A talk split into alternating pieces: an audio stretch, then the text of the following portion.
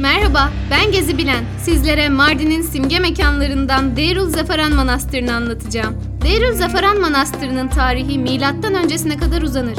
İlk kullanımı güneş tapınağı olan mekan, Romalılar döneminde kale olarak kullanılır. Daha sonra ise Aziz Süleyman burayı bir manastıra çevirir ve kendi ismini verir. 15. yüzyıla gelindiğinde ise manastırın ismi etrafında yetişen zafaran yani safran bitkisinden dolayı bugünkü ismini alır. Özellikle kemerli sütunları, ahşap el işlemeleri ve taş nakışlarıyla göz dolduran mekan, tarih boyunca Süryani Kilisesi'nin dini eğitim merkezlerinden olur. Bölgeye ilk matbaayı getiren kişi de yine burada patriklik yapan 4. Petrus'tur.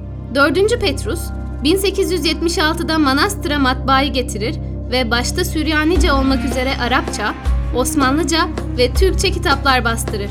Bugün matbaadan kalan parçaların bir kısmı ise manastırda ve Mardin'deki Kırklar Kilisesi'nde sergilenmektedir.